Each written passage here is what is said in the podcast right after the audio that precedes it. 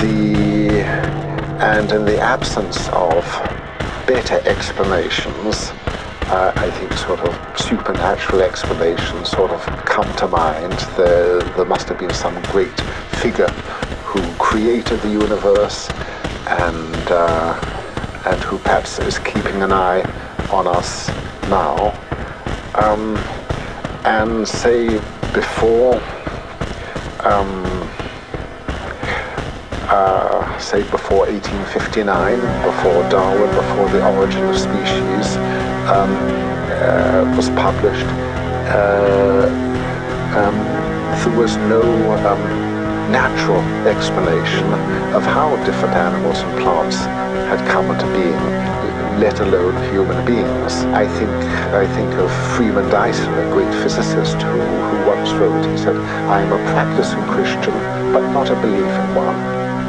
So I think my parents were were practicing Jews, but not believing ones. I don't think that belief is a particularly strong thing in Judaism. But but but, but my mother was also botanically inclined, and I sort of um, I, I well grew up in a Darwinian world, and um,